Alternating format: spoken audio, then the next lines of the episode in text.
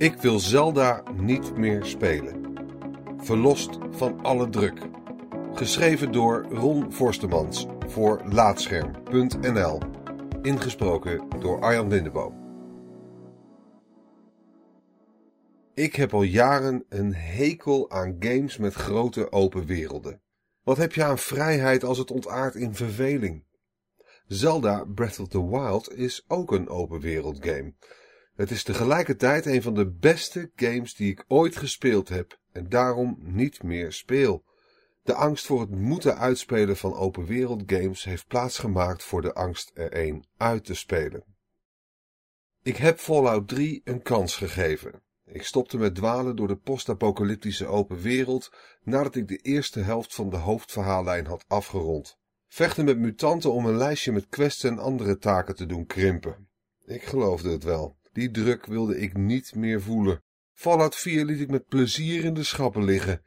In hetzelfde genre heb ik The Witcher 3, Far Cry 3, Far Cry 4 en Skyrim gespeeld, maar niet uitgespeeld. Het zijn stuk voor stuk geweldige games, maar het zijn ook games waarin plicht en plezier dicht bij elkaar liggen. Ik wil niet moeten, ik wil willen. In open wereld games haat ik mijn eigen gedrag. Ik haat mezelf als ik continu panisch in huisjes en kamertjes naar bruikbare spullen aan het zoeken ben. Want hé, hey, stel je eens voor dat je dat ene goede wapen of item in al je onwetendheid laat liggen. Dat zal mij niet gebeuren. De bureaulaadjes, kastdeuren en kisten moeten open. Allemaal. Die talloze kamertjes die ik keer op keer binnenloop hebben geen betekenis. Voor mij niet, voor de ontwikkelaar niet. Hun enige doel is dat van opslagplaats omdat ik er zeker van wil zijn dat ik niks mis, ga ik alle opslagruimtes plichtmatig af. Ze staan symbool voor open wereld games. Hoe verschillend de kamertjes ook zijn, ze vervallen altijd in hetzelfde patroon. Zachtjes tikt de regen. Na Skyrim werd ik open wereld schuw. Zelda Breath of the Wild gaf ik een kans dankzij overweldigend positieve kritieken. Recensenten waren lyrisch, ik was sceptisch. Zelda is ook zo'n game met een gigantische open wereld, waarin het lijkt alsof alles ongekend ver uit elkaar ligt. Toch voelen de vele vierkante kilometers aan gras en zandvlaktes in Zelda gecondenseerd aan. Ze herbergen zoveel kleins om te verkennen of mysterieuze hints om nader uit te zoeken. Ik ben tig moois tegengekomen, tig keer gunde ik het geen aandacht. Dingen negeren, wat Heerlijk. Nog nooit gebeurde het in een open wereld game dat ik niet de druk voelde om kamertjes, gebouwen en steden één voor één af te gaan.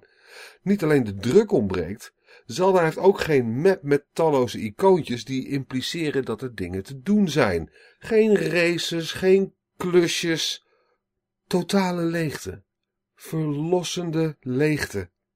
Zoek het zelf maar uit, zegt Zelda. Doe wat jij wil, in de volgorde die jij wil. Of nog belangrijker, doe het niet.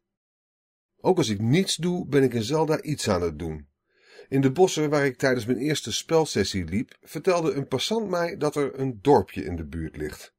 Ik kom er nog wel, dacht ik destijds. Weken later, eergisteren, beklom ik de hoogste berg die ik kon vinden.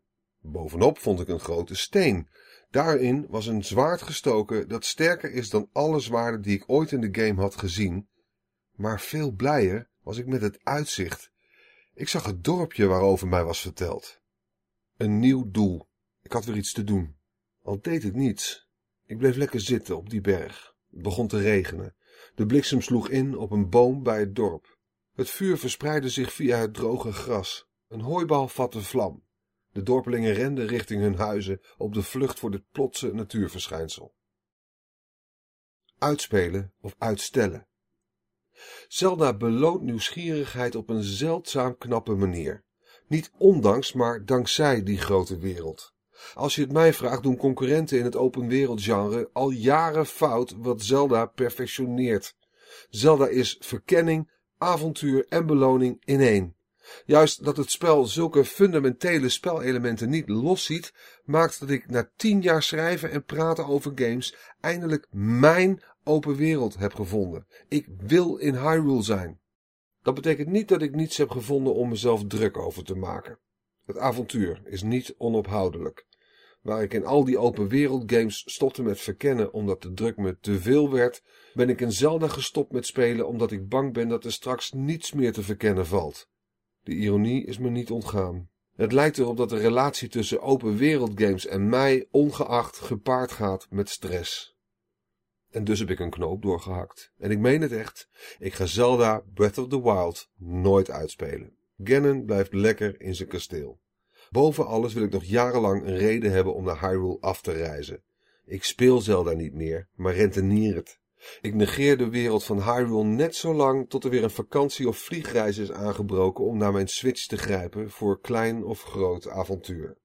Van relatief kleine open werelden die mij te druk voelden, naar Hyrule.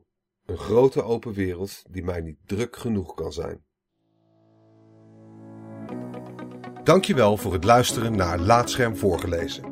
Als je waardeert wat we hier doen, dan zouden we het leuk vinden als je even een sterrenrating en een recensie achterlaat op Apple Podcasts of de podcastservice van jouw keuze. Abonneer je ook op onze andere podcast, Praatscherm. En ga voor deze en meer verhalen, geschreven of gesproken, naar laatscherm.nl.